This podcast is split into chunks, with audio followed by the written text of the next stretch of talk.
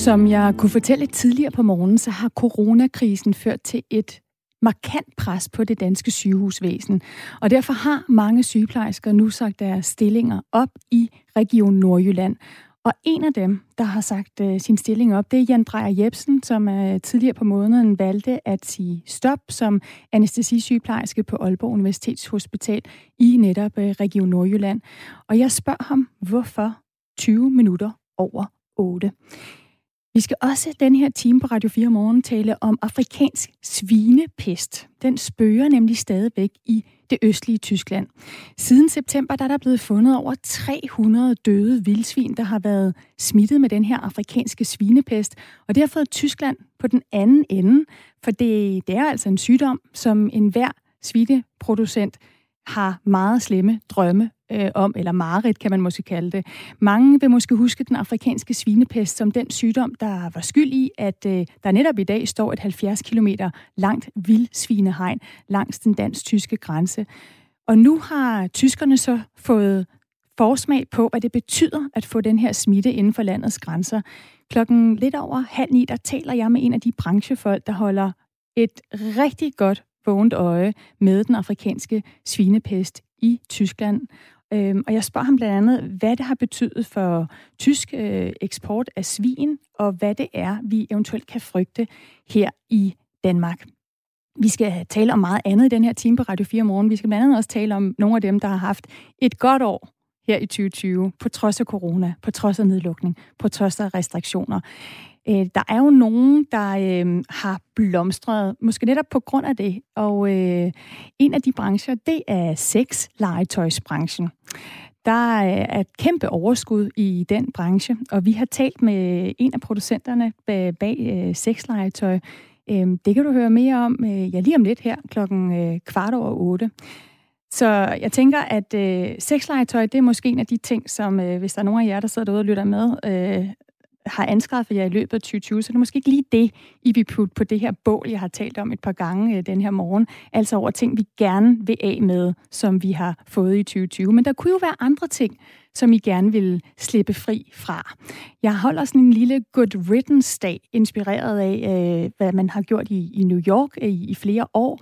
I, I går i New York, der opfordrede de alle amerikanere, alle i New York, alle i hele verden, til at sende en e-mail ind, og så printede de simpelthen øh, forslag ud til, hvad man skulle slippe af med i 2020. Jeg gør det samme her til morgen på Radio 4 Morgen. Skriv ind til mig på 1424. Start jeres besked med R4. Hvad vil du rigtig gerne sige farvel til, inden vi lige om lidt springer ind i det nye år, som forhåbentlig bliver præget af mindre sygdom, mindre død og mindre økonomisk nedtur og alt muligt andet end øh, det forgangne år. Du har tændt for Radio 4 morgen. Jeg hedder Stine Krohmann Dragsted, og klokken er 8 minutter over 8. Vi starter med en konflikt i Afrika, som er eskaleret de seneste måneder, og som bliver ved med at udvikle sig. Og det er også en historie om, hvorfor to tidligere ærkefjender nu er endt med at slå tøjlerne sammen. Eritrea er nemlig gået ind i, det nordlige, i den nordlige del af Etiopien for at støtte den etiopiske premierminister, som også for nogle år siden modtog en Nobelpris. Han hedder Abiy Ahmed i kampen mod lokale ledere i det, der hedder Tigray-regionen. Og Bernd øh, Hansen, Holger Bernd Hansen, det er noget, du har fulgt i lang tid. Godmorgen. Ja, godmorgen professor emeritus ved Center for Afrikastudier på øh, Københavns Universitet. Holger mm. Berndt, altså Etiopien og Eritrea, de har jo tidligere ligget i, i blodig krig med hinanden, der har kostet 100.000 af, af menneskeliv. Nu ser vi så Eritrea, som jo altså er den, er den mindre del af de her to øh, lande, træde ind i Etiopien og hjælpe deres øh, premierminister. Hvor overraskende er det? Ja, det er ikke så overraskende, at, øh, for det er jo en, det, kernen i hele punktet, det er Tigray, altså den del af, af Etiopien, som grænser op til Eritrea. Og øh, den har været førende i, i det opgør, der gennem mange år har været mellem Etiopien og Eritrea.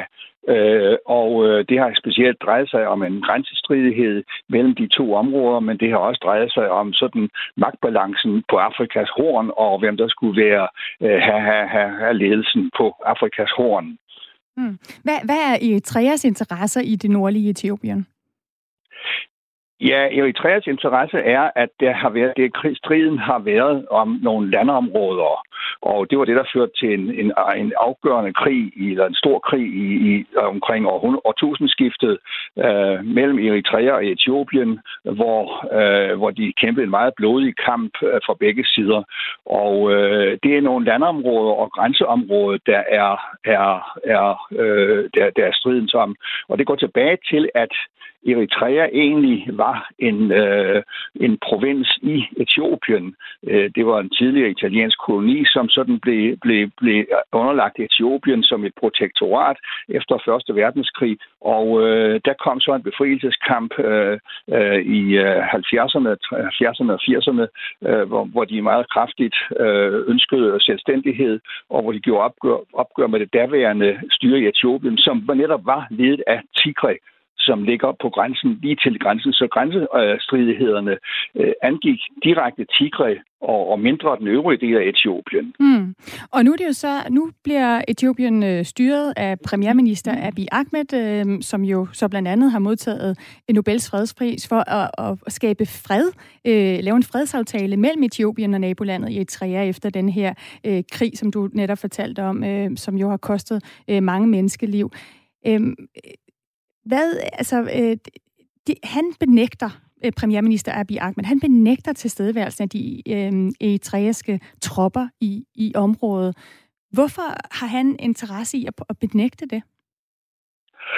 Øh, jo, han har interesse i det. Det skyldes især, at, at øh, i, og med, at Eritrea kommer ind i konflikten, øh, som er en intern etiopisk øh, stridighed mellem en provins, dem i Tigray og det øvrige Etiopien, øh, så ville konflikten blive internationaliseret, og derved altså få langt større øh, øh, tryk fra det internationale samfund til, at dette her det er en, en, en, øh, en krig mellem, hvor, hvor et, et, et land og blander sig i, i, i, i forholdene i et andet land og, og gå ind og, og invadere direkte.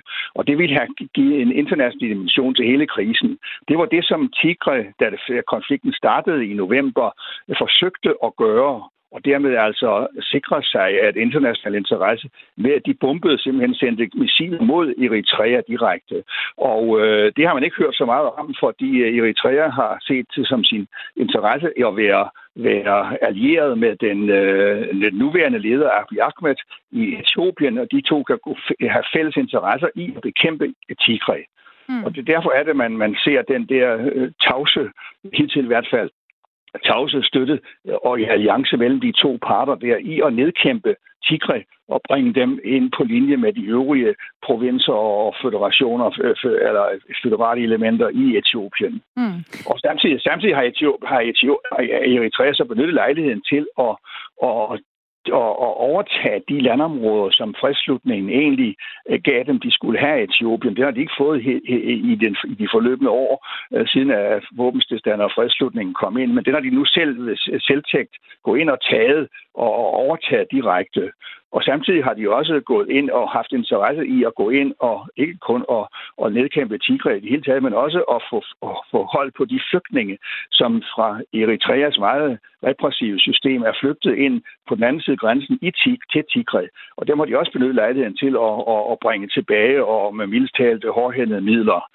Så der har været den der indflydelse både øh, indirekte og skjult for Eritreas egne interesser, men også i en fælles interesse om at få Tigre ned på jorden og kæmpet ned, helt ned til, til, til, til, til at disciplinere dem til, at de følger den almindelige linje og ikke kun synes, de har en særlig ledende rolle at spille i Etiopien og mm. i hele området.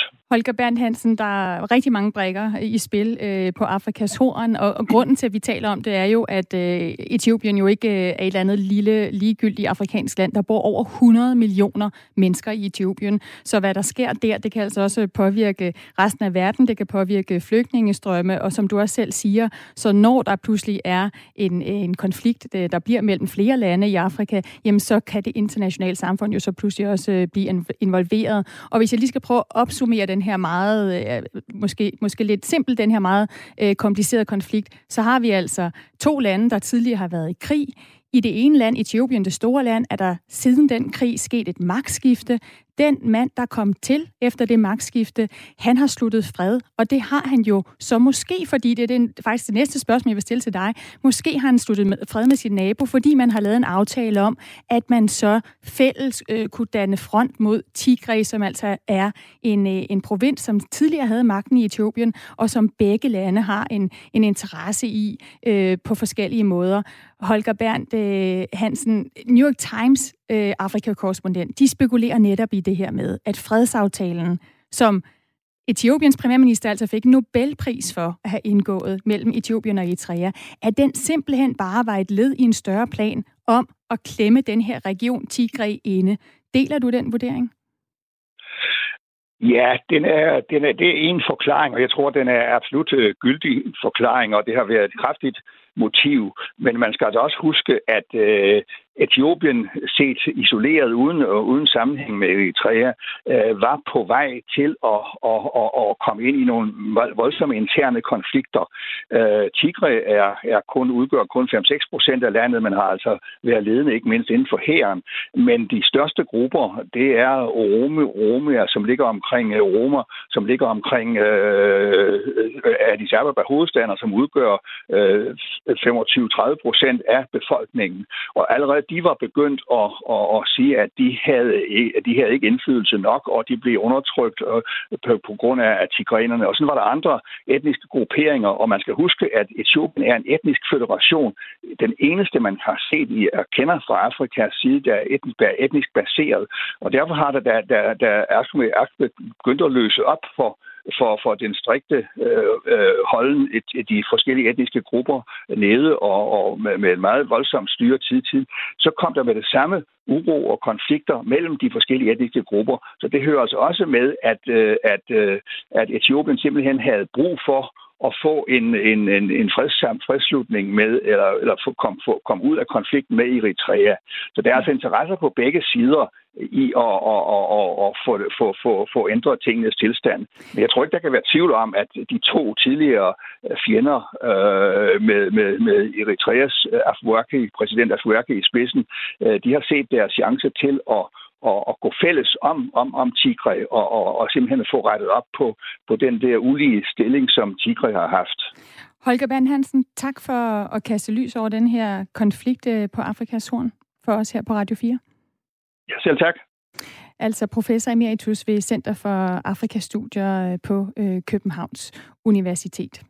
Og med det er klokken blevet 18 minutter over 8.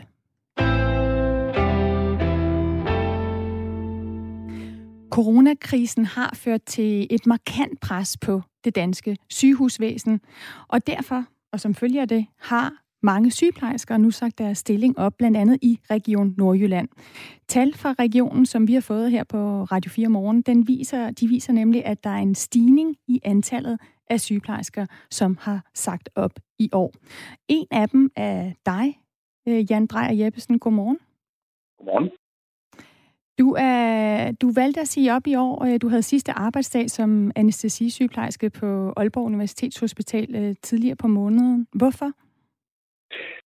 Ja, som mange andre af mine kollegaer, både anestesisygeplejerske og almindelige, ikke specialuddannet sygeplejerske, så er jeg de senere år synes, jeg har svært ved at udføre mit arbejde, som jeg gerne vil, med høj nok kvalitet.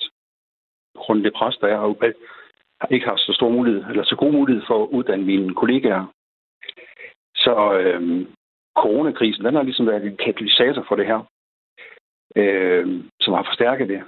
Jeg synes, at vi er blevet, dels er vi blevet presset endnu mere, og øh, så synes jeg, at vores, vores ledelse ikke har været lydhør, og slet ikke har været på bølgelængde med os. Øhm, så jeg kan sige, det er, det er sådan det overordnede i det. Kan du få prøve at fortælle om nogle af de ting, som, som har ændret sig for dit arbejde, altså under coronaen i år? Ja, altså under coronaen i år har vi selvfølgelig arbejdet endnu mere, kan man sige. Og ja, det er jo, du siger, det er jo flere år siden, at jeg har haft en øh, afspaceringsdag. Så, øh, og dem har jeg, kan man sige, jeg har bare fået endnu flere overarbejdstimer nu i år. Øh, det er jo, det er, kan man sige, det er sådan en, en direkte udløber af det. Så har jeg jo, jeg har ikke selv været ude i, øh, på en corona-afdeling. Jeg har været en af dem, der har været hjemme på, på den gamle afdeling, kan jeg sige. Men jeg har set mange af mine kollegaer komme tilbage og have haft øh, stresssymptomer. Jeg har flere, der har sygemeldt med stress. stress. Så øh, det har selvfølgelig været, kan man sige, hårdt at sige på på den måde. Personligt har jeg ikke sådan haft problemer med det. Altså, jeg er jo en, der ikke har hjemmeboende børn og, og så videre, så jeg har, jeg har ligesom overskud, har haft overskud til det. Men principielt, så har jeg jo synes, at vi er blevet behandlet alt, alt, alt for dårligt. Mm. Vi, vi talte jo tidligere øh, på, på morgenen med Jytte Vester, som er kredsformand for, for Dansk Sygeplejeråd i Region Nordjylland, som nævnte, hvordan corona har lagt ekstra pres. Blandt andet det her med, at for få meldte sig til coronaberedskabet, øhm, og ja. der derfor var øh, sygeplejersker, som, øh, som blev, blev kaldt ind og skulle være en del af det, selvom man ikke selv havde, havde meldt sig. Hvad er dine oplevelser med det? Ja, altså min, min oplevelse er jo, at man har haft et ønske om, at vi skulle melde os frivilligt, og i det øjeblik, hvor vi ikke melder os frivilligt, så får vi at vide, så skal vi. Øh, og så synes jeg jo ikke, at den frivillighed er ret meget værd. Så mener jeg også, som Jule Vester også sagde, at vi, der er blevet forhandlet en alt for dårlig aftale for os, som faktisk har, det bliver sådan lidt teknisk, men det har faktisk har betydet, at dem, der ikke skulle ud i coronaberedskab, de faktisk har kunne få flere penge ud af det, end af dem, der skulle. Mm. Øhm, er der andre af dine kollegaer, som du har måttet sige farvel til i år?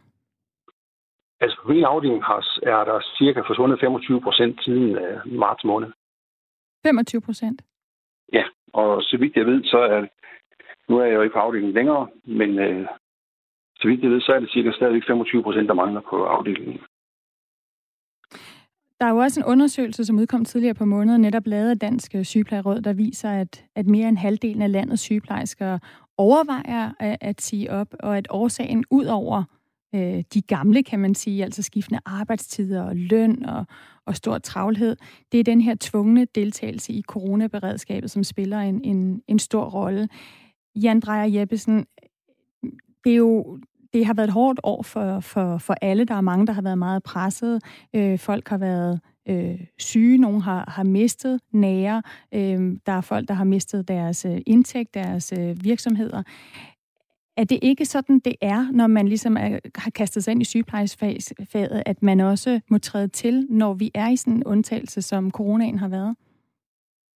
Jo, det er det. Og jeg synes også, det er godt set, at folk med sådan en specialuddannelse som mit, min gruppe har, at vi bliver brugt til det.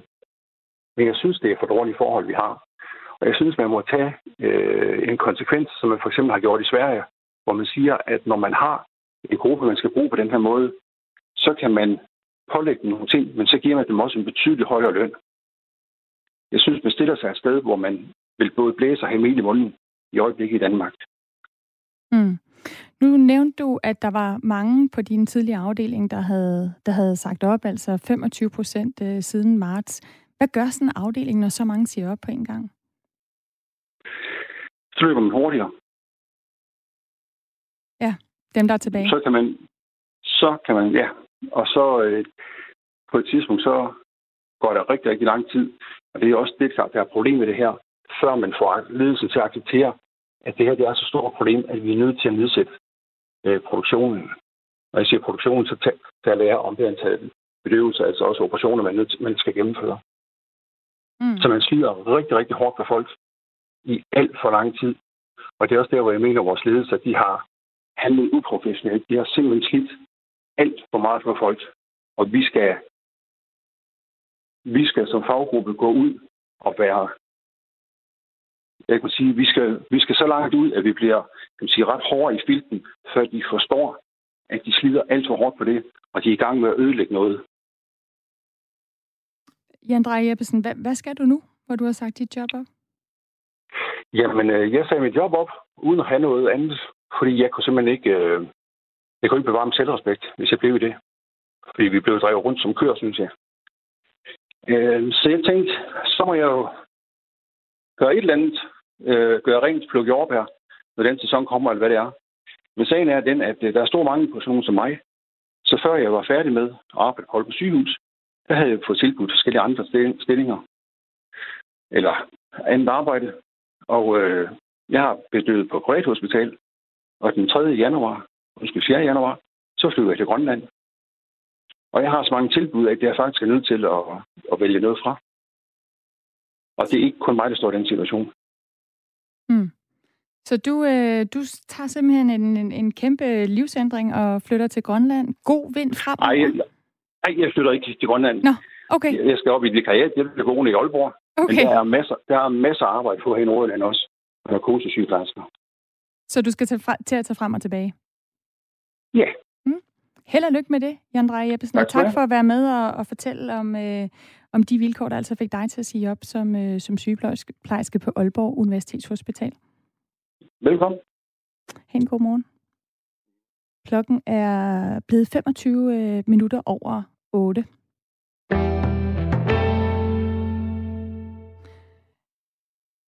Nu vender vi øh, blikket mod en helt, helt anden historie. Øh, en historie om øh, dem, der har fået noget godt ud af, at der har været corona i år. Et overskud helt præcis på 40 millioner kroner. Fordi så profitabelt kan det være at sælge sexlegetøj i 2020? De har været nødsaget til at være øh, rigtig meget alene, eller rigtig meget i deres intimsfære eller boble. Øhm, lige pludselig så har vi ikke haft sport på samme måde, vi har kunne gå til. Vi har ikke kunne gå i, altså gå ud, som vi plejer. Øhm, og så sker der det, at folk går ind, og det er egentlig nogle gange det smukke i en krise, at folk oplever en anden tæthed, øh, og det er rigtig, rigtig fint, og en meget, meget fin en følelse på en eller anden måde, at vi har oplevet den her tæthed sammen. Det, det kan jeg godt lide ved corona. Sådan forklarer den ene af ejerne af internetbutikken www.sexshop.dk, Mathilde Makowski, øh, for hvorfor, hvad der er grunden til, at sexshoppen har haft et rekordår under coronaepidemien. Med et fordoblet overskud og en omsætning på 300 millioner kroner, så har Sinful for 6. år i træk sikret sig en plads på listen over de hurtigst voksende danske virksomheder. Det har været vildt år, fordi vi øh, egentlig i forvejen har haft en, en god sådan generisk vækst i virksomheden. Og så har vi også haft nogle, øh, sådan nogle, øh, hvad kalder man det, antilopespring, hver gang, at vi er blevet ramt af en, øh, et, et, en nedlukning eller strammere restriktioner i forbindelse med corona, og folk har været mere hjemme. Så, så vi har egentlig sådan, øh, vi har haft en normal, og så har vi ligesom fået en ny normal. Men hvem er det så, der har købt alt det sexlegetøj i 2020? Altså, vi har solgt allermest af ting til par. Og det er jo rigtig dejligt, fordi det fortæller mig også, at der er en masse par, der har valgt at bruge meget mere tid sammen i deres, øh, igen, i deres intime sfære, i deres intime rum, i deres dig og mig-univers. Det fortæller altså Mathilde Markowski, der sammenligner vores adfærd, når vi køber sexlegetøj, med vores adfærd, når vi køber mad. De her oplevelser, som er særlige, som jeg synes, sexlegetøj er, øh, det er sådan, de fleste kunder ser det. Det ser de som et særligt krydderi til sexlivet. Det er når man gør en gang imellem, og få noget ekstra sjov i, i parforholdet det svarer lidt til at tage på en lidt finere restaurant. Det er noget, man gør tit som et par. Men i forhold til den sådan robrødsmaden, som måske kan være den almindelige sex, eller sex med sig selv for eksempel, jamen tit når man er single, så går man hen, og så øh, køber man noget det samme sted, man ved fungerer. Og det er lidt det samme med sex. Altså når man er single, så køber man måske én ting, der fungerer rigtig godt, og så bruger man den i mange, mange år. Men hvis man er par, så er man sådan, wow, der er også lige åbnet den nye restaurant herhen på hjørnet. Skal vi ikke også prøve den? Du ved, man er mere sådan syg efter eventyr på en anden måde. Så hvad var det så egentlig for nogle nye, måske eventyrlige remedier, vi var så vilde med at købe i 2020? Det spurgte vi selvfølgelig også med Tilde Makowski om. Det er Sinful julekalender. der er ingen tvivl om, at vores julekalender er en, en en genistreg på mange måder, fordi vi kan alle sammen forholde os til det. Vi synes, det er mega sjovt. Øhm, og det er bare, øh, det er virkelig, virkelig sådan et, et, et mega fedt produkt. Øhm, hvor man, der er nogen, der har valgt for en, hvad der er inde bag loven. Øhm, og det kan bare være med til, at man kan blive enige om, okay, det var måske ikke lige os, men nu har vi prøvet det. Øhm, så det kan også ligesom rykke nogle grænser på en, på en sådan fin måde. Sindful har indtil videre hjemmeside rettet mod både Sverige, Norge og Finland, men Danmark er altså fortsat det største marked for virksomheden. Og øh, den her julehandel, den øh, trækker i øvrigt i år øh, sin del af den samlede vækst. Alene de sidste 10 dage før jul, altså mellem den 10. og den 20. december, der gav øh, det et salg, der lå 50 procent over de tilsvarende dage sidste år. Og med det er klokken blevet halv ni.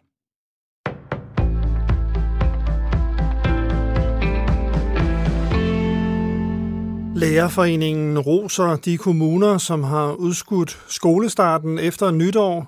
Som smittesituationen ser ud nu, har Danmarks Lærerforenings formand Gordon Ørskov Madsen svært ved at se, at skolerne kan åbne den 4. januar.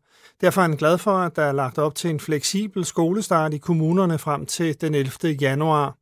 Ifølge formanden har mange kommuner allerede besluttet at udskyde skolestarten til mandag den 11. januar. Det gælder eksempelvis fra Kommune. Det handler ikke om at komme hurtigt i gang, men om at starte så sikkert som muligt, siger Gordon Ørskov Madsen. Aflys nytårsaften, det foreslår koncerndirektør i Region Sjælland, Leif Panduro. Anledningen er det stigende antal indlagte, som over de seneste fire uger har sat sundhedssektoren i dele af landet under pres, skriver TV2.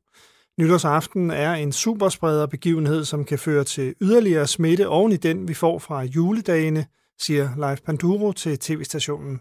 Jeg synes, man burde øh, øh, reducere, hvor mange der kan ses. Fire mennesker for eksempel. Og så sige, at man mødes ikke med andre udenfor. Øh, så man prøver at holde det nede. Lige nu har vi nogle anbefalinger af, at man gør det så småt som muligt. Men der er ikke deciderede restriktioner, og det tror jeg desværre ikke er tilstrækkeligt. Koncerndirektøren peger på, at andre lande har meget strammere restriktioner end Danmark. Vi har set andre europæiske lande, som har været på en tilsvarende kurve og et tilsvarende smitteniveau som Danmark, hvor man decideret har lavet udgangsforbud, og man kun må komme ud af sin lejlighed en time om dagen. Sundhedsminister Magnus Heunicke har indkaldt coronafølgegruppen, der består af Folketingets sundhedsordfører til møde i formiddag. Det oplyser enhedslistens sundhedsordfører Peter Velblund.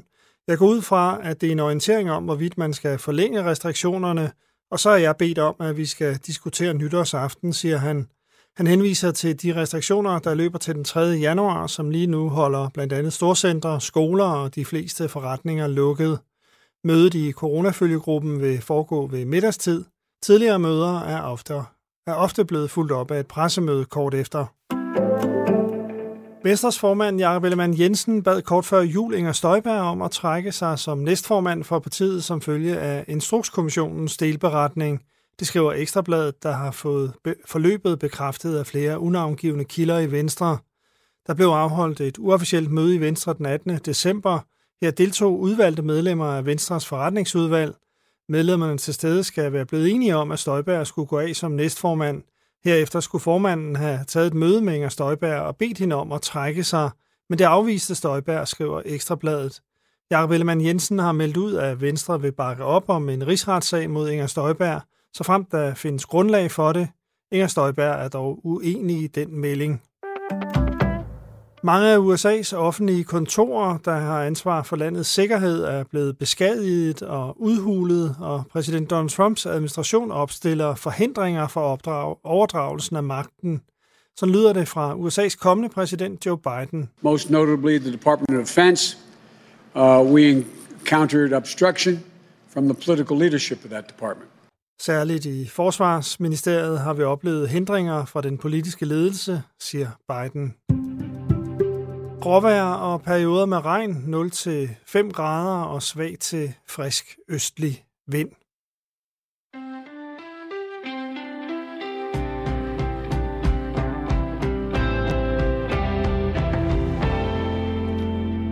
Tidligere på efteråret fortalte vi historien om 37 vildsvin, der i løbet af september var blevet fundet døde med sygdommen afrikansk svinepest over i det østlige Tyskland. Og ja, det er lige netop den afrikanske svinepest, der har været skyld i, at der lige nu står det famøse 70 km lange vildsvinehegn nede ved grænsen mellem Danmark og Tyskland. Men det har altså udviklet sig siden da, og det kan du hjælpe os med at få styr på, Jens Munk Ebbesen. Godmorgen. Godmorgen direktør for fødevare og veterinære forhold i Landbrugets brancheorganisation Landbrug og Fødevare, og du har så fuldt udbredelsen af afrikanske smitte enormt tæt. Og jeg kan høre, Jens Munk Abelsen, at der er en lille smule forsinkelse på den her linje, vi har fået der igennem på, så vi skal lige være tålmodige med hinanden. Altså siden september, så er antallet af vildsvin, der har fundet døde af afrikansk svinepest steget til over 300. Hvordan håndterer man den her situation i, i Tyskland lige nu? Og, altså, hvor alvorligt er det med, med 300, der er døde? Jamen, det er jo ganske alvorligt, at uh, de bliver ved med at finde uh, døde vildsvin med afrikansk svinepest i Tyskland. Uh, der er en ting, vi lige skal huske jo med, med uh, afrikansk svinepest, det er, at det er en meget alvorlig sygdom for, for svinene. De bliver rigtig, rigtig syge af det, uh, og de uh, fleste af dem dør og vi har ikke nogen vacciner, og der er ikke nogen behandling. Og så skal vi selvfølgelig også lige huske, at det på ingen måde er farligt for mennesker. Det skal vi også bare have i baghovedet. Men i forhold til, øh, til Tyskland, jamen så har det fundet i fire forskellige områder i den østlige del af, af Tyskland. Det er den sydlige del af Brandenburg, og så er det den øh, nordlige del af Sachsen, hvor man har fundet dem. Som situationen er nu, så er der faktisk ikke sket så stor en udvikling siden øh, september, øh, da I omtalte det sidst, øh, i forhold til hvilke områder, der er ramt. Men antallet af vildsvin, de finder, Øh, Øh, med afrikansk svinepest er steget markant, så de er op over 380 her til morgen samlet set. Og det er jo fordi, de leder efter øh, kadaver af vildsvin, som er døde af afrikansk svinepest, nu inde i de områder, og så er det klart, at de vil finde flere. Hvem er det, der, der leder efter dem? Altså, hvad, hvad, hvem har Tyskland sat ind for at finde de her døde svin?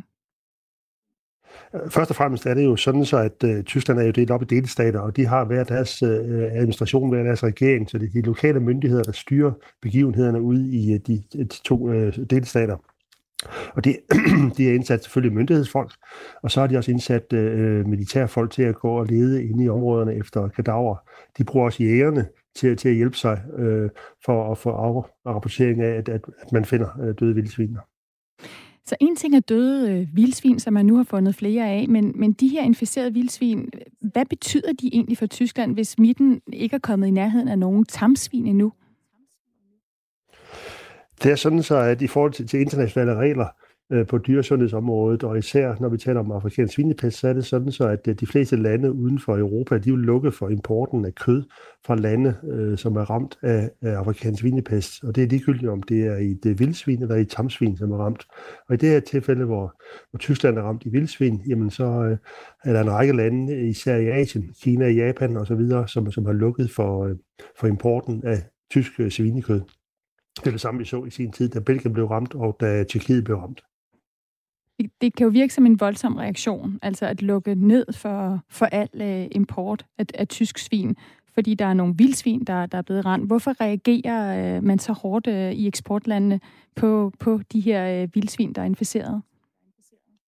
Ja, først og fremmest gør man det jo, fordi man ikke har nogen vacciner og ikke har nogen behandling mod sygdommen. Det vil sige, at man gør alt, hvad man kan for at undgå at få sygdommen til de pågældende lande. Og det er sådan, så at virus kan overleve ret længe i øh, kødprodukter og i kød. Og det vil sige, at, at der er en risiko for, hvis man får, øh, får øh, importeret kød fra et område, hvor der er afrikansk svinepest, så har man mulighed for at få det ind den vej til landet, hvis at, at øh, det kød på en eller anden måde kan ende ude hos grisene øh, ved at blive fodret, eller hvordan det nu kan ende derude, eller blive smidt i naturen, og så nogle af de vildsvin, som er i de pågældende lande, kan samle det op, så de også selv får det i de pågældende lande. Mm. Jeg taler altså med Jens Munk Ebbesen, som er direktør for fødevare og veterinære forhold i Landbrugets brancheorganisation Landbrug og, og Fødevare. Og vi taler om den afrikanske svinepest, som øh, breder sig, eller i hvert fald er et stigende problem i det østlige Tyskland, hvor der er flere øh, vildsvin, der er blevet fundet med den. Det er en barsk sygdom, altså der er høj dødelighed. Den viser sig ved, at øh, svinene bløder fra endetarmen og får fløjet ud af øjnene, og det svinene gør, hvis de bliver inficeret, øh, så vil man altså ofte se dem lægge sig i en klump sammen og ryste og trække vejret uregelmæssigt. Øhm, I Danmark, der har vi jo så ud over det her vildsvinehegn, har myndighederne givet jægere tilladelse til at skyde vildsvin ned omkring grænsen alle svinetransporter bliver vasket grundigt i, i indrettet vaskehandler nede ved grænsen, hvor, hvor lastbilchauffører så oven i købet har øh, for dansk madpakket med, netop for at undgå det her med, at, øh, at der kommer noget ind, ind over. I starten af oktober, der talte vi med svineproducenten Jeppe Blok Nielsen om den afrikanske svinepest. Det lød sådan her. Hvad fylder mest for dig lige nu? Coronavirus eller, eller afrikansk svinepest? Jamen i hverdagen der er det klart, øh, afrikansk svinepest er vores største hovedpine lige nu. Det andet fylder også, men øh, det er klart svinepesten, der fylder mest herude. Men altså, vi taler om vildsvin, der er døde over 500 km fra den danske grænse indtil videre. Øh, og i Danmark, så har vi jo, øh, som vi lige nævnte, taget os en, en masse forholdsregler. Hvorfor fylder det her så alligevel? Det gør det jo, fordi at øh, konsekvenserne er så store selvom sandsynligheden måske er lille for at få sygdommen til Danmark nu, hvor vi har gjort rigtig, rigtig mange ting på nuværende tidspunkt i forhold til at, at få begrænset og nærmest øh, fjernet bestanden af vildsvin i den danske natur, så vi er under 10 øh, tilbage nu, øh, som ifølge Naturstyrelsen, jamen så øh, er der stadigvæk en risiko for, at man kan få, få smitten ind via, via kødprodukter, som mennesker har med for de områder, øh, hvor der er afrikansk svinepest, og så få den smidt i naturen, sådan så de sidste vildsvin, de samler det op, eller øh, på en eller anden måde få det bragt over til, til nogle af de grise, som går udenfor. Vi har jo rigtig, rigtig mange grise, som går udenfor, enten økologiske eller frilandsgrise. Og der skal vi jo sørge for, at, at øh, folk ikke kommer i nærheden af dem, og, og i hvert fald slet ikke fodre dem med nogen som helst form for, for madvarer. Vi kan jo også have forbudt, heldigvis har været forbudt i mange, mange år i, øh, i Europa. Jens øh, Munk Ebbesen, 300 døde vildsvin i Tyskland, som jo altså har sat sit præg øh, på den, den tyske svineeksport øh, allerede. Hvordan har den situation i Tyskland påvirket os her i Danmark? Jamen, den har sådan set påvirket på to måder. Den ene måde er, at øh, priserne på svinekød i Europa i det hele taget kommer voldsomt under pres, fordi der er så store mængder svinekød øh, fra Tyskland, som nu skal blive i Europa og ikke kan eksporteres ud øh, til for eksempel Kina eller Japan. Og det, det har presset priserne på, på svinekød nedad. Øh, og det har også haft indflydelse på den danske, øh, det vi kalder afregning på svinekød herhjemme. Øh, så er der den situation, at øh, Tyskland er også en stor aftager af smågrise for Danmark. Øh, og øh, de aftager stadigvæk rigtig, rigtig mange smågrise, men priserne er styrtdykket på, på, de, på de danske smågrise. Så det vil sige, at de danske svineproducenter, som, som producerer smågrise, de er hårdt presset øh, på økonomien lige i øjeblikket. Så på den måde har det en indirekte øh, konsekvens øh, på Danmark, at man er ramt i Tyskland. Hvad, hvad er din øh, forudsigelse i forhold til, øh, hvordan det kan komme på, til at påvirke fremover? Tror du, at øh, den afrikanske svinepest kommer til Danmark, eller, eller kan vi forhindre, at øh, den kommer ind over grænsen? Jeg tror, at med alle de tiltag, vi, vi, vi gør, og, og til stadighed gør, og alle de, øh, hvad skal man sige, og den opmærksomhed, der er omkring afrikansk svinepest igen og igen, med informationskampagner over for de forskellige folk, som kan udgøre en risiko i forhold til at tage smitten med ind, i forhold til, til, til øh, uh, transporter af dyr, og at, og, og at vi næsten er færdige med, med at, at have vildsvin i Danmark, jamen det hjælper jo rigtig, rigtig meget. Øh, så jeg, jeg har en god fornemmelse i maven i forhold til, at vi kan holde det ude af Danmark, men det kræver en, en stor og fortsat indsats øh, for, for at holde det ude af Danmark. Det sagde altså Jens sagde øh, Munk Jens Eb Ebbesen. Tusind tak for at være med her på Radio 4 morgen. Velbekomme. Altså direktør for fødevare og veterinære forhold i brancheorganisationen Landbrug og, og Fødevare om øh, den afrikanske svinepest, som altså fortsat haver i øh, det østlige øh, Tyskland, og som vi meget gerne ikke vil have over grænsen til, øh, til Danmark. Nu er klokken blevet 17 minutter i 9, og du lytter til Radio 4 morgen. Hvor jeg igennem hele morgenen har bedt jer om at skrive ind til mig på 1424. Start jeres besked med R4 med forslag til, hvad I gerne vil slippe af med, når vi nu lige om lidt skal sige farvel til 2020 og goddag til 2021. Der er en tradition i USA, hvor det jo ikke er en hemmelighed for mange af jer, der har lyttet med her på Radio 4 morgen, øh, at jeg har boet i, i mange år. En tradition, som jeg godt kunne tænke mig at fortsætte i Danmark. Det hedder Good Riddance Day. Og det er en tradition, hvor man et par dage før nytår simpelthen tager alle de ting, øh, man ikke har lyst til at tage med ind i det nye år og brænder på bålet. Det har man ikke fysisk øh, gjort i år, fordi at der jo netop er corona. Øh, en af de ting, mange af os jo nok godt vil slippe af med. I stedet for, så har man på Times Square, hvor man plejer at holde den her Good Riddance Day, der har man simpelthen øh, opfordret folk til at skrive ind øh, på en e-mail, hvad de gerne vil slippe af med, og så har man printet det ud og, og merkuleret det. Øhm, der er folk, der har skrevet ind, øh, at de gerne vil slippe af med dårlige relationer, med falskhed, med dogenskab, øhm, og så er der selvfølgelig også rigtig mange, der gerne vil slippe af med sygdom, øh, nedlukning og øh, mundbind. Og jeg har opfordret jer til, til også at skrive ind til mig her, sådan så vi kunne lave vores egen lille good riddance, altså hvad vi gerne vil, øh, vil slippe af med. Så nu, øh, nu tænder jeg lige for bålet her. Se, om jeg kan få det tændt. Så er der gang i bålet. Og så, øh, så smider vi lige nogle af de her ting på, som øh, I allerede har skrevet ind om.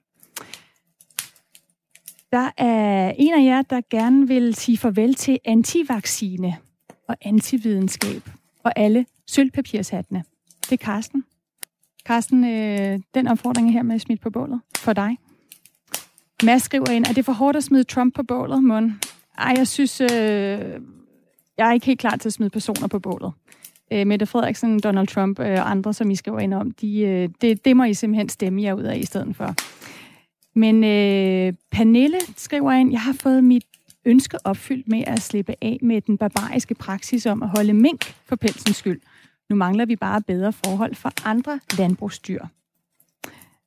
Og så skriver Tommy, efter 2020, så bliver det nice at slippe for mundbindsrelaterede faldulykker.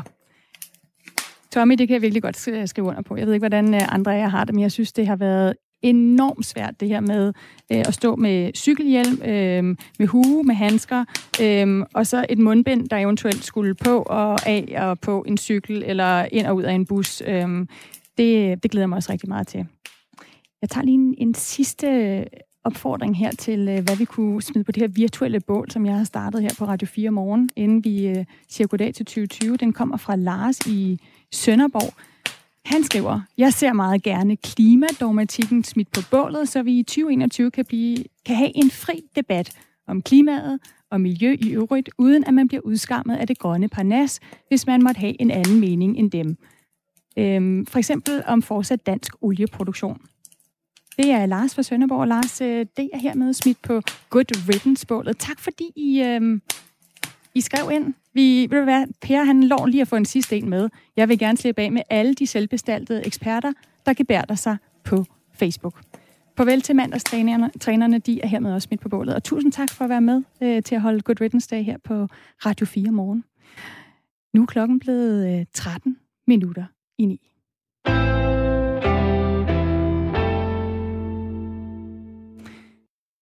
I søndags der var langt de flestes øjne rettet mod den længe ventede coronavaccine, der endelig var klar til at komme i brug og blive rullet ud.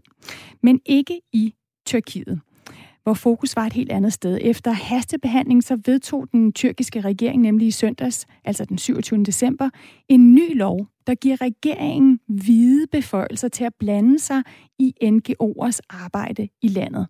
Og det møder blandt andet kritik fra menneskerettighedsorganisationer. Og det kan du øh, nu hjælpe med at fortælle os om, Lajel Freje, øh, journalist med base i Istanbul. Nu skal jeg lige se, om jeg kan fortælle for dig. Er du med her? Ja, kan du høre mig? Jeg kan høre dig.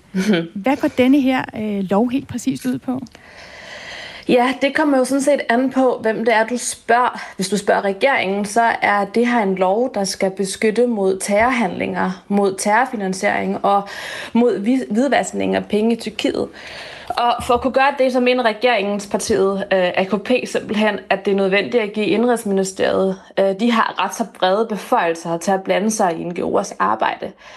Det vil så sige, at lige om lidt, når, øh, når den her lov den træder i kraft, så kan regeringen gå ind og altså direkte fjerne personer fra de her NGO'er, hvis de, hvis, øh, hvis de mener, at, øh, at personen har en eller anden form for terrorrelation, eller bare efterforskes for terror.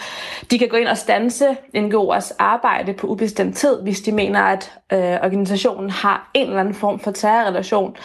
Og så kan de gå ind og stoppe deres funding, selvom at øh, pengene ikke kommer fra staten. Og, øh, og det, som man frygter, det er, at det her yderste konsekvens kan betyde, at en masse NGO'er simpelthen kommer til at lukke. Mm. Den her lov, den blev altså fremsat øh, den 18. december, og den er allerede blevet stemt øh, igennem her øh, ni dage efter. Og den tyrkiske regering har så brugt som argument for loven, som du også siger, at øh, det er for at, øh, at sikre, at øh, Tyrkiet kan overholde en resolution for, for FN's Sikkerhedsråd om at forebygge øh, terrorisme. Hvad, hvad siger kritikerne til det her argument om, at det handler om terrorisme? Jamen, øh Ja, og de siger, at, øh, at det er en, en, en dårlig undskyldning. Øh, det, det de også siger, det er, at de simpelthen er bange for, at den her lov, den kan misbruges, og at den øh, simpelthen kommer til at gå ud over alle kritiske stemmer i Tyrkiet, eller bare personer, som har en anden holdning end regeringspartiet. Altså ifølge menneskerettighedsorganisationen Human Rights Watch, så er det kun 6 ud af de 43 punkter, som loven består af, som direkte handler om enten terror eller hvidvask. Resten er simpelthen målrettet en begrænsning øh, af organisationers frihed. Hvis man går halvandet år tilbage, altså til sommeren 2019, så var der officielt 230.000 personer i Tyrkiet, som enten var sigtet eller blev efterforsket for terror.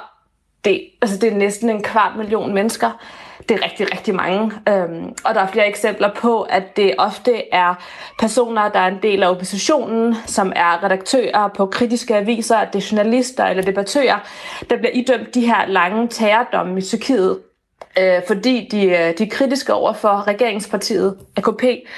Altså det her med at anklage folk for terrorgærning, som det hedder i Tyrkiet, eller terrorrelation, det er meget, meget nemt i Tyrkiet. Og det er det, som Human Rights Watch frygter, at den tyrkiske regering kommer til at udnytte med, øh, med den her lov. Øhm, altså lige om lidt, når den her lov den træder i kraft, der øh, kan regeringen gå ind, altså de kan simpelthen gå ind i, i uvildige organisationer, og så kan de fyre personer eller lukke organisationerne, bare fordi, altså bare fordi der er en mistanke om terror. Altså vi snakker igen, det snakker, vi snakker om en mistanke. Det er hverken, altså de her personer har hverken været igennem en retssag eller blevet dømt øh, i en domstol. Er der nogle organisationer, der er blevet ramt allerede? Altså ved vi, om, om de vil blive ramt, uden at øh, der vil være på en eller anden måde en, en, en færre proces? Ja, det, er jo, det er jo så det, som, som, øh, som rigtig mange organisationer frygter. Altså, det, den trådte i kraft i søndags, eller den blev stemt igennem i, i søndags, den er ikke trådt i kraft endnu, så nej, vi er ikke nået dertil endnu. Øh, men det, som, øh, som organisationen siger, det er, at, at de simpelthen de frygter, at det kan gå ud over alle organisationer, altså store og små. Vi snakker, altså, vi snakker alt fra sportsklubber, religiøse grupper, kvindegrupper til man, menneskerettighedsorganisationer. Altså alle NGO'er. Øh, Inden loven den blev stemt igennem her i søndags, altså, der var der 100 organisationer, der skrev under på en erklæring, hvor de kritiserede den her lov. På få, på få dage op til den blev stemt igennem i søndags, der blev øh, antallet af stemmer syvdoblet. Der var 700 organisationer, der havde stemt imod, at den her lov skulle, altså skulle vedtages. Øh, det, blev så, det blev så ignoreret. Øh, og det, som de her NGO'er, de råber op om, det er, at det, altså igen, det kommer til at gå ud over alle slags organisationer, som regeringen ikke bryder sig om. De nævner blandt andet sådan noget som organisationen, der kæmper for menneskerettigheder kvinders vilkår, flygtninge, handicappede, LGBTQI+, altså you name it. Øhm, og, og det skal lige siges her, altså det er både tyrkiske organisationer, men det er også uddanske organisationer, som for eksempel Amnesty eller igen Human Rights Watch. De risikerer simpelthen, at hvis regeringen mener, at de udgør en trussel, så bliver de lukket, og efter den her lov, så har de bare, altså de har ikke noget at skulle have sagt. Det er simpelthen bare endgame. Layal øh, Fraye, altså journalist med base i Istanbul. Tak for at øh, holde øje med, hvad der sker i, i Tyrkiet, også med den her lov, som jo altså ikke er trådt i kraft endnu. Øh, men øh, for at komme med din vurdering af, hvem den kan ramme, øh, når den øh, træder i kraft. Tak. Øh, altså med øh, fra øh, Istanbul. Klokken er blevet 7 minutter i 9. Det er den 29. december, og du har tændt for Radio 4 morgen. Tusind tak for det. Nu sætter jeg lige den her på.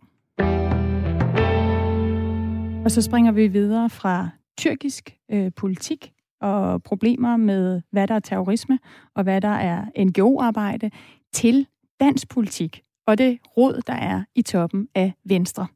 For i går, der sagde formand Jakob Ellemann Jensen, at han ville bakke op ultimativt om en rigsretssag mod sin egen næstformand, Inger Støjberg.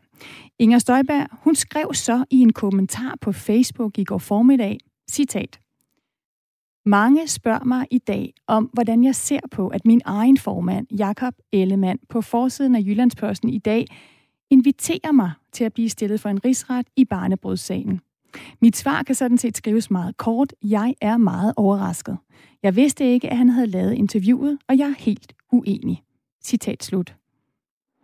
Henrik øh, Kvartrup, politisk redaktør for BT. Godmorgen. Godmorgen. Jeg regner med, at du har læst øh, de, de her kommentarer, der har været på Facebook øh, rigtig ja. grundigt også. Altså, ja. først og fremmest så tyder det jo, når vi læser Inger Støjbergs kommentarer, på, at øh, næstformanden og formanden ikke taler sammen. Er det normalt i et øh, parti som Venstre? Nej, det er meget unormalt, og vi er nu faktisk nødt til at korrigere dig, fordi de taler sammen. De kan bare ikke blive enige om noget. Øh, øh, altså, vi ved så meget, at øh, Jakob Ellemann Jensen har haft et møde under fire øjne med øh, Inger Støjberg. Formentlig på det møde har han forsøgt at overtale hende til for Venstres øh, skyld og, og trække sig som næstformand, mens hele den her øh, usikkerhed omkring en eventuel rigsretssag stå, står på. Øh, og det har øh, Inger Støjberg så, så afvist afvist at gøre. Så, så øh, det kan godt være, at de, der, er en, eller der er en kontakt, men den er meget uforsonlig. Og jeg synes, at i hele det her forløb, der nu bliver oprullet i de her dage, det er det sådan lidt vanskeligt ikke at, at anvende en form for krigsmetaforik, ikke? fordi det, det, er en, det er en borgerkrig, der, øh, det er en borgerkrig, der er i gang i Venstre på, på højeste niveau, og det er en formand og en næstformand, der slet ikke kan sammen, og det er klart, det kan næsten kun ende med et kæmpe brag på et eller andet tidspunkt. Nu siger du så, at de faktisk taler sammen. Hvordan kan Inger Støjberg slippe afsted med så at skrive, at øh, hun er meget overrasket, og øh, hun vidste ikke, at, øh, at han ville have øh, hende til at... Øh, altså, at, at, at, at der var den her uenighed? Jamen altså, det som Inger Støjberg jo skriver, er, at hun ikke vidste, at han gav interview til Jyllandsposten. Jeg tror, det er den detalje, man skal øh, bide, bide fast i, fordi Inge, jeg, jeg føler mig ret overbevist om, at øh, Ellemann har fortalt Støjbær, hvad han er nået frem, hvilken konklusion han er nået frem til, og den, det er så også den konklusion, han har delt med Jyllandsposten, nemlig, at hvis det kommer dertil, så er han øh, klar øh, til at støtte en, en, en, en rigsret. Men når, de kan, når, når, når hun kan slippe afsted med så, så åbent og udfordre Jacob Ellemann, øh, så skyldes det jo, at, at det kan godt være andre øh, næstformænd ville være smidt på porten for længst for en øh, illoyal opførsel som denne her. Men Inger Støjberg er jo noget helt specielt i Venstre. Altså man, øh, hun, hun har en, en, en base i partiet, som man bestemt ikke skal undervurdere og repræsentere en, en betydeligt antal vælgere og, og, og en stor del af baglandet. Og det gør jo altså, at, at Ellemann ikke bare kunne, kan gøre det, han måske nok kunne have lyst til, nemlig at smide hende på porten, øh, fordi så, så bliver der for alvor ballade, men man kan sige, nu har han så virkelig udfordret det ved, ved at klart at og, og, at øh, meddele, hvad han har tænkt sig at, at gøre i forhold til en, en rigsret.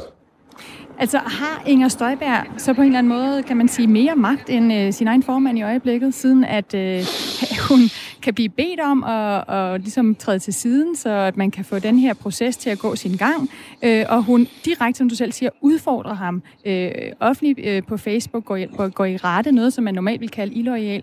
Er hun mere magtfuld end sin egen formand i øjeblikket? ja, det er, jo det, det er jo det virkelig onde spørgsmål, du stiller der. Øh, ja, det tror jeg mange vil sige, at, at, at hun har. Øh, ja, når man taler med, men, med venstrefolk øh, og sådan til baggrund, øh, så, så siger mange af dem, at det, der karakteriserer øh, Inger Støjberg, øh, er, at for hende betyder Inger mere end Venstre, som de plejer at udtrykke det. Altså kampen for, for, for sig selv betyder, siger mange venstrefolk, øh, mere for Inger Støjberg end hensynet til, at, øh, til, til partiet. Og, og øh, det er klart, det, det er jo sådan en, en det er jo sådan lidt selv det er sådan lidt destruktiv tilgang til tingene, som øh, Venstres ledelse, en Jacob Ellemann, jo kun kan se på med, med en kæmpe frustration, fordi det er jo helt tydeligt, at uh, Inger Støjberg for øjeblikket ikke har tænkt sig, at det her skal gå over, uh, uden at det på en eller anden måde skal have nogle konsekvenser. Altså hvis Ellemann fastholder det, han har sagt til Jyllandsposten, og det er der jo al mulig grund til at tro, at han gør, jamen så, så skulle jeg kende Inger Støjberg dårligt, hvis hun bare sådan... Øh, stille bøjer øh, hovedet og siger, Nå, men så var det så sådan, øh, det måtte være. Nej, så forudser jeg jo altså, at det hele på en eller anden måde øh, eksploderer. Og, og det, det vil også bekræfte, tror jeg, mange venstrefolk i at det her, jeg sagde før, at for Støjberg er Inger vigtigere end Venstre. Og det er jo en klassisk øh, debat i dansk politik. Sætter man partiet, partiet eller sig selv forrest? Man kunne forestille sig, at Inger Støjberg vil sige, at hun netop sætter Venstre forrest, fordi at, øh, det er hendes linje, ja, ja, som der er, så mange, der, der går op i. Bare helt kort til sidst, Henrik Fordrup. Hvad betyder det her for Jakob Ellemanns øh, greb øh, om, om Venstre?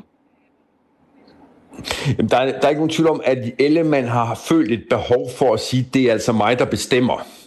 Øh, og, og, og, og, og derfor har han også måttet trække vejret dybt, inden han meldte det ud, han meldte ud, fordi det er jo noget, som provokerer mange, også langt ind i Venstre, at han har den holdning, at han ultimativt vil være parat til at støtte en, en rigsret. Men man kan sige, hvis han havde lavet sig koste rundt med Støjbær her, jamen hvad var der, hvad var der så tilbage? Nu har han så øh, ligesom erklæret krigen. Øh, Støjbær har, har svaret tilbage, og dermed tror jeg, man helt roligt bare kan konstatere, at øh, Venstre er et for lille parti til at kunne rumme både Inger Støjberg og øh, Jakob Ellemann Jensen. Og hvem det så er, der kommer til at trække det længste strå, jamen det tør jeg ikke rigtig byde på lige nu. Øh, men at det her, det er en, en relativt destruktiv proces, vi er vidne til, det tør jeg godt skrive under på. tak for den underskrift, Henrik Bortrup, og for at være med her på Radio 4 morgen. Ja, det var så lidt. Nu er klokken blevet ni, og der er nyheder på Radio 4. Henrik Møring, han er klar.